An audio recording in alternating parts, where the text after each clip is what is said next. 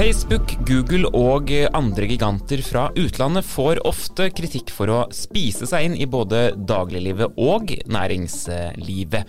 Så hvordan påvirker det innovasjon og nyskaping i bedriftene her hjemme? Vi spør Kristin Skogen Lund, som leder et av de mest innovative norske selskapene, mediekonsernet Schibsted. Velkommen til oss, Kristin. Tusen takk. Eh, velkommen, Håkon. Takk. Eh, 1839 startet vel eh, Skipsted opp, eh, Kristin. Eh, det har skjedd litt med verden siden da.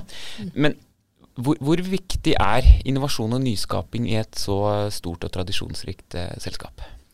Ja, Det er helt avgjørende. Og det er litt sånn kult når du sier 1839, fordi Skipsted var faktisk først et uh, trykkeri, og så måtte han ha mer business på trykkeriet. Det var derfor han startet Aftenposten i 1860. Så helt fra den gangen så har vi liksom Vi, vi pleier å si at vi retenker posisjonen vår. Uh, og det er veldig viktig å ikke bli stuck i det du har vært, og tenke at det er det du må fortsette med, men faktisk se hele tiden på hvilken posisjon er du i med nye øyne. Og det beste eksempelet og det smarteste vi noen gang gjorde i Skipsted, det var jo da vi virkelig disruptet oss selv rundt år 2000, da internett eh, kom. Og Skipsted skjønte at dette ville endre medieindustrien for alltid. Og etter dotcom-krasjen, når alle trakk tilbake satsingene sine, da klinte Skipsted til og lanserte Finn, og lot det få konkurrere på harde møkka med selve gullkalven, som var rubrikkannonsene i Aftenposten. Og det er vi så glad for i dag. Herregud. Eh, og sant, Finn er jo i dag sikkert 100 ganger mer verdt enn en Aftenposten, sånn rent finansielt. Ikke følelsesmessig, men finansielt. Uh, og så har vi jo ekspandert da den modellen til 20 land rundt om i verden, som i dag utgjør over 90% av vår børsverdi. Så det var et smart grep, og det handlet om å retenke fullstendig hvilken business du egentlig er i. Vi var ikke i avisbransjen. Vi tenkte vi er i uh, rubrikkannonsemarkedet. Det var liksom den retenkingen man gjorde. Og vi retenker nye ting hele tiden. Er det litt sånn eksempel på uh, det vi kanskje omtaler som noen datadrevet uh, innovasjon? Vi, kan du si noe om det? Vel, det var i hvert fall eh, å ta inn over seg at dette internettet er kommet for å bli. Eh, mm. Og da må du faktisk eh, ta eh, de mulighetene og, og, være villig til å gi opp din gamle modell og, og tenke nytt. Et annet eksempel er avisdistribusjonen vår, som nå har begynt med e-handel i den forstand at vi distribuerer pakker, og det er i ferd med å bli en stor business for oss. Og hvem hadde liksom tenkt at avisdistribusjonen skulle bli den mest eh, raskest voksende delen av Skipsted? Det er de faktisk akkurat nå. Mm. Er, hvor kult er ikke det, liksom? Det er retenking. Og jeg syns det er så bra. Men når du spør om datadrevet innovasjon, og det du startet med, det som skjer, vet du, er at vi, mediebransjen ble jo tidlig digitalisert. Veldig tidlig digitalisert. Mens dette sprer seg etter hvert i alle bransjer og alle verdikjeder. Og det som skjer, er at ting blir mer og mer datadrevet. Den som sitter på datamengder som de er i stand til å bearbeide og anvende, de vinner frem. Nesten uansett hvilken bransje du er i etter hvert. Hvorfor det? Fordi eh, den digitale logikken, den er en sånn den har, Det blir litt komplisert, men heter en eksponentiell nettverkseffekt. Dvs. Si at eh, man har egentlig bare behov for én leverandør, for der finner du alt, og da får du en veldig sterk sånn gravitasjon i det nettverket som gjør at eh, den den første og beste blir liksom ikke bare størst, den blir den eneste. Mm. Eh, og, da et, og, da får du stadig mer data som gjør at du på en måte eksponentielt kan lage bedre tjenester enn alle andre fordi du har den datafordelen.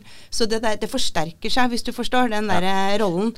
Og, og eh, da kan du Da vet du hva folk foretrekker, du vet hvor de er, de, du vet hvordan de opptrer, og du kan etter hvert begynne å forutse hvor, hva, de, hva, de, vil ønske, og hvordan de vil oppføre seg. sant? Og så kan du lage uovertrufne tjenester. Ja. Og derfor så vinner du fram. Er det derfor Facebook og Google har blitt så enorme, fordi de kan gjøre alle disse tingene? Ja, det startet jo med at de var flinke, mm. selvfølgelig. Mm. Og, men så har de fått dette eksponentielle dataovertaket, som nå er jo blitt helt astronomisk astronomisk. Ja. Eh, og, eh, og, og, det du ser nå, at de bredder seg inn på stadig flere områder. Hvordan påvirker det da disse store gigantene, eh, innovasjon og nyskaping her hjemme i Norge? Ja, altså det, vi, det, det er liksom, På en måte kan du si at det er noe bra med det, for det skjerper oss jo. Eh, og det oppgaven for oss blir jo å klare å altså Ikke bare Skipsted, men alle norske selskaper blir jo å klare å å være, finne en relevans og klare å, å bruke det eventuelle fortrinnet man har. Vi, vi, kommer jo aldri til å bli bedre på dem eh, når det gjelder data, men, men vi, vi, er lokale f.eks. Og vi kan gjøre andre smarte ting. De er jo veldig standardisert. Google er Google uansett hvor du er hen. Vi kan kanskje tilpasse tjenester og liksom vinne den, eh, vinne den veien, da. Mm. Så det er jo sånn man må, man må, tenke på det. Men hvis det vi skal være litt obs på, eh, som, som, er en bekymring jeg har, det er at eh, til nå da, så har f.eks. Eller disse selskapene har typisk disrupted, sånn som mediebransjen og, og, noen få andre bransjer. Men du vet, etter hvert så vil Google kan sannsynligvis allerede da, tilby bedre helsetjenester fordi de, så, de, vet så mye mer om oss mm. enn det helsevesenet gjør. De har f.eks. en helt annen forutsetning til å drive smittevern enn det Folkehelseinstituttet har, som et eksempel. ikke sant? Og, og Tesla for eksempel, kjører, det kjører Tesla rundt og samler inn informasjon om trafikken i Oslo hele tiden. Google sitter og laster ut all trafikkinformasjon av ruter i real time, lager fantastiske kart og sånn. Men de har jo en helt annen forutsetning til å drive trafikkinfrastruktur i Norge enn det vårt eget veivesen har, som et eksempel. Og hvordan blir det når de leverer de tjenestene vi er vant til at staten leverer? Når mm. de kan gjøre det bedre? Hva skjer med hele eh, nasjonalstaten, velferdssystemet vårt. Altså, hvordan blir det? Hvem skal, ha, hvem skal prioritere hvem som får helsehjelp hvis det er Google som kan kurere kreften din? Altså, det er masse sånne spørsmål som jeg går og tenker på, som jeg syns er krevende. da. Håkon, det, når våre kunder og bedrifter vi støtter hører dette her, så kan man nesten bli litt sånn motløs. Eh, hva tenker du om, eh, om dette? Vi er veldig eh, enig i mye av det Kristin sier. Jeg tror egentlig alt. Jeg tror altså, Datamengder er viktig, men også datakvalitet. Og Fra et sånn norsk næringsutviklingsperspektiv så er jo spørsmålet i hvilke nisjer og på hvilke områder er det vi har for det første da, tilgang til datamengder og kan ja. innovere på dem. Og i tillegg hvor kvaliteten på de dataene gjør at vi kan levere bedre tjenester enn det eh, en generisk leverandør av datadrevet innovasjon kan gjøre. Og det er noen sånne nisjer. Vi i Norge er gode f.eks. innenfor olje og gass har vi kvalitative data som gjør at vi kan være ledende. På helse har vi veldig gode, veldig lange datasett, går langt tilbake i historien. Der er det muligheter. Vi tar det ikke godt i bruk i dag, men potensialet er der. Og, der, og det i møtet mellom det er jo egentlig oss som forbrukere som driver fram denne bruken av, av, av de store digitale plattformene. Så, så så det jeg tror da mye vil handle om samspill mellom hvordan vi som forbrukere agerer, og bedriftenes evne til å levere tjenester som er oppleves som relevante og bedre, og, um, og kanskje også et tilleggspoeng altså, som gir en form for tilhørighet i et fellesskap. Mm. Uh, og der er det noe, og der er det jo mye å lære av mediebransjen. Det er en grunn til at lokalaviser, at folk leser det. Det handler om å være tilhøre noe, være del av noe. Og her ligger det næringsutviklingspotensialet for Norge. Så jeg blir liksom ikke slått i bakken av dette sånn totalt sett, men jeg bekymrer meg veldig for vår kompetanse og evne til å uh, trekke opp Uh, og identifisere og så ta i bruk da, det potensialet vi faktisk har. Og det i hvert fall er helt klart, gjør vi ingenting, så er det andre som, uh, som tar disse nisjene også. Ja, ikke sant, og, det bringer meg over til det neste punkt, egentlig, Kristin. Tror du at eh, disse store datagigantene gjør at små bedrifter som kanskje har gode ideer, vegrer seg for å starte opp med de, for de tenker vet du hva, vi har ikke sjans. Eh, vi har ikke de dataene som skal til mm. for å, å ta opp den kampen, da. Min erfaring da er at vi har innmari mange gode gründere eh, som ikke vegrer seg for å starte opp, men det kan være vanskelig å skalere opp. Ja. Det tror jeg kanskje er et uh, poeng uh, Ja, jeg tror kanskje det er den største utfordringen. Ikke selve startup, men skaleringen. Er du enig i det, Håkon? Veldig. Og dette er jo vi sett over lang tid. Og nå bekymrer vi oss jo veldig for hva som skjer når um, koronabølgen også treffer uh, tidligfaseselskaper. Fordi det som har skjedd nå I utgangspunktet gjorde vi det ikke særlig bra på skalering. Uh, vi har hatt i de siste årene en veldig vekst av entreprenørskap, altså gründere. Det har kommet mange mange nye. De er veldig gode. Mange er verdensledende innenfor sine nisjer. Og så har vi hatt uh, utfordring ja, vi kan si altså noen K-er. altså Kapitaltilgang har vært en utfordring, kompetansetilgang, og ikke minst er Norge et lite land, så kundene de er ofte andre deler av verden. Så Det var som bildet før korona. Og Så kom koronakrisen og førte til en samtidig nedbremsing både på investorsiden, fordi mange investorer tapte mye penger på andre ting, og på kundesiden, fordi aktivitet ble bremset ned. Og det treffer de skalerende bedriftene mer enn det treffer det etablerte næringslivet. Og bare ile til i parentes, det er ikke slik at det står bra til i alt etablert næringsliv. Men, det, men her har vi en, en dobbel utfordring. Ja med skalering. Så jeg er helt enig i det, og jeg tror ikke det er mangel på gode ideer som er vår hovedutfordring. Heller ikke i type datadrevet innovasjon, men det er evnen til å få bitene i økosystemet til å finne hverandre, og finne hverandre raskt nok. Kan jeg få nevne et paradoks òg? Fordi du vet med disse nye GDPR-reglene, som var godt ment i forhold til personvern, men der er det jo sånn at det er blitt veldig vanskelig å dele data. Ja. Eh, og de store gigantene de har jo all den dataen innenfor sine vegger. ikke sant? Men er du en liten aktør, så er det vanskelig også å skalere ut ifra det perspektivet. For det er rett og slett vanskelig å dele data med andre. Det er veldig synd. Men er, er dere Dere er jo store nå. Eh, tenker dere fremdeles skalering når dere eh, tar inn over dere alle disse problemstillingene her? Veldig. Og en ting vi er nødt til å gjøre nå, det er jo at før så, sant, Hvis du var på VG, så hadde du liksom, da var det VG som hadde den dataen. Og var det på Finn, så hadde Finn dataen. Og da kunne ikke vi gjøre noe av dette her på tvers. Så nå er vi nødt til å gjøre om sånn at det er Skipsted. Du logger inn i Skipsted, og det er Skipsted som får lov til å bruke dataen din. Hvis ikke så kan ikke vi sette sammen ting og skape nye produkter. Uh, utenfor, liksom i helheten uh, som vi disponerer. Da. Så det er et helt konkret eksempel på hvordan vi må legge om pga. det. Hvilke andre grep uh, gjør dere da for å, for å vokse? Altså det, en, en, du snakket veldig riktig om datakvalitet, Håkon. Og selv om vi har vært digitale veldig lenge, så har vi ikke alltid vært like flinke på å systematisere data. Så det vi gjør nå, er at vi har sånne, vi kaller det for mandatory building blocks, eller komplisert. Men det mm. betyr at alle må opptre likt i forhold til data i hele skipssted. Sånn at den dataen er standardisert og har samme kvalitet. Sånn at, vi liksom, at vi, en kunde er definert på samme måte i alle selskaper og alle disse tingene. Og da kan vi, da kan vi ha relativt, i hvert fall i nordisk perspektiv, store datamengder som vi da kan ha en kvalitet i som gjør at vi faktisk kan bearbeide den dataen og anvende den til noe fornuftig i forhold til å gi bedre produkter og tjenester. Og som jeg fort må si at vi er utrolig nøye på å aldri bruke den dataen til noe annet, eller til å Vi selger ikke, eller noe sånt. Det blir sånn. det plutselig mye bråk av. Ja, det, eh, vi er, det, du, det, er den høyeste fanen vi prøver å bære. Vi må gå foran med et godt eksempel i ansvarlig databehandling. Mm.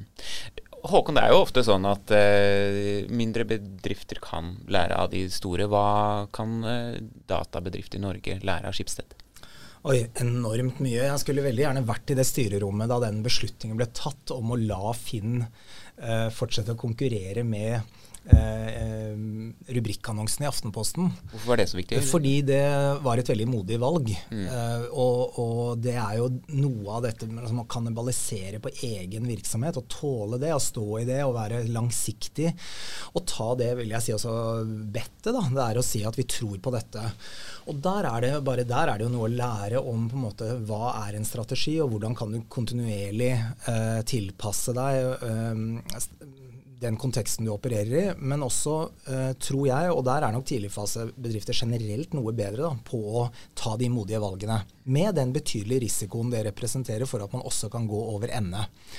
Så er det masse annet å lære av Skipsstedet. Det siste Kristin nevner, er jo dette med å ha et ansvarlig forhold til dataene. Forstå verdien av de dataene man har, og ikke misbruke den tilliten som, viser, som en vises da, fra ja. kundene. Det tenker jeg, det, Her har Norge noen fortrinn fordi vi har den tillitskulturen vi har, så forventer vi en ansvarlig atferd fra bedriftene. Men ikke minst, bedriftene vil opptre ansvarlig. Men det ligger også en risiko i det, for vi som forbrukere er litt naive. Vi tror at alle våre leverandører, uansett hvor de kommer fra, uansett hva de tilbyr, har, legger seg på samme praksis. Og her er det, eh, tenker jeg, da, en jobb å gjøre sånn for oss. Hver gang vi bruker en tjeneste, så avgir jeg noe av verdi i form av de data jeg legger igjen, til en leverandør. Så både er valget av leverandør viktig, og der kan norske bedrifter, også oppstartsbedrifter, være tydelige på at vi gjør det på denne måten, gi trygghet, sånn at det valget blir mer kvalifisert. Og det andre er å forstå eh, å sette en pris på etter hvert eh, de dataene vi har. Det gjelder f.eks. offentlig sektor. De helsedataene vi har, de har en kolossal verdi for det norske samfunn.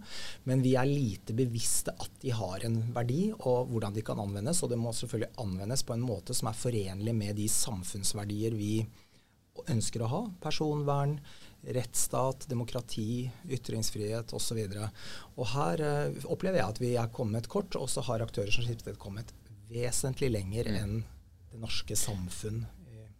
Refleksjoner rundt dette, og ikke minst uh, i å sette dette ut i praksis. Gir jo litt håp det, da. Kort uh, til slutt, Kristin. Kan Facebook, Google, alle disse gigantene miste mer makt i fremtiden, tror du? Og jeg syns det er vanskelig å forutsi det der. Altså, du kan jo få noen sånne motstrømninger, altså liksom reaksjoner mot at så mye makt og, og, og, og velstand da, er akkumulert på få hender. Eh, og særlig hvis de begynner å bevege seg for mye inn på områder som vi tenker egentlig er at det er myndigheter som skal holde på med. Sånn som når Facebook begynner å lansere sin egen valuta og sånn. Ja. Det kan være sånne ting som gjør at du, du kan få motreaksjoner. Det er det ene. Og det andre er at du kan jo kanskje få en regulering eh, av dem, hvor de blir tvunget til å brytes opp. Men da har du liksom hele dette USA mot Kina. ikke sant? Det er jo ikke i USAs interesse å bryte opp disse gigantene hvis det bare betyr at kineserne får overtak istedenfor. Så ja, dette er, det er så mye makt og politikk i dette. så Eh, gudene vet, men det jeg iallfall vet, er at den der eksponentielle fordelen de har, den blir jo bare sterkere og sterkere og større og større. Og jeg tror de kommer bare til å bre seg inn på stadig flere områder. Og det må vi være litt bevisst på, og ha gode strategier for hvordan vi skal håndtere det.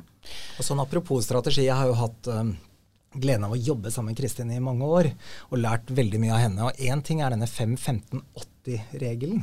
Ja, så bra. Som går på Ja, men du må ja, si litt om den. Ja, jeg har lært om den. Og det, det, går jo på å få, få jobben gjort, da. Hva, mm. hva, krever det?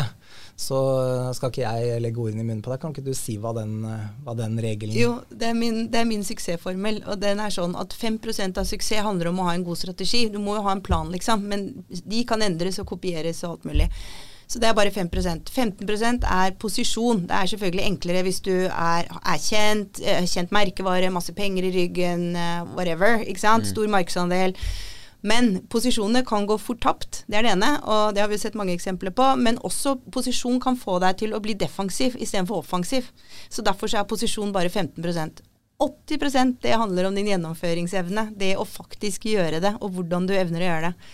Så det er der kjernen til suksess ligger. Ja, Det var godt å avslutte med det. Da tar vi med oss eh, det, det videre. Det gir jo litt håp, ja, det da, gir for litt håp, absolutt. at vi kan få det til i Norge. Kristin, tusen takk for at uh, du kom til oss i Innepodden. Vi er uh, tilbake neste uke før vi tar en uh, sommerferie noen uker.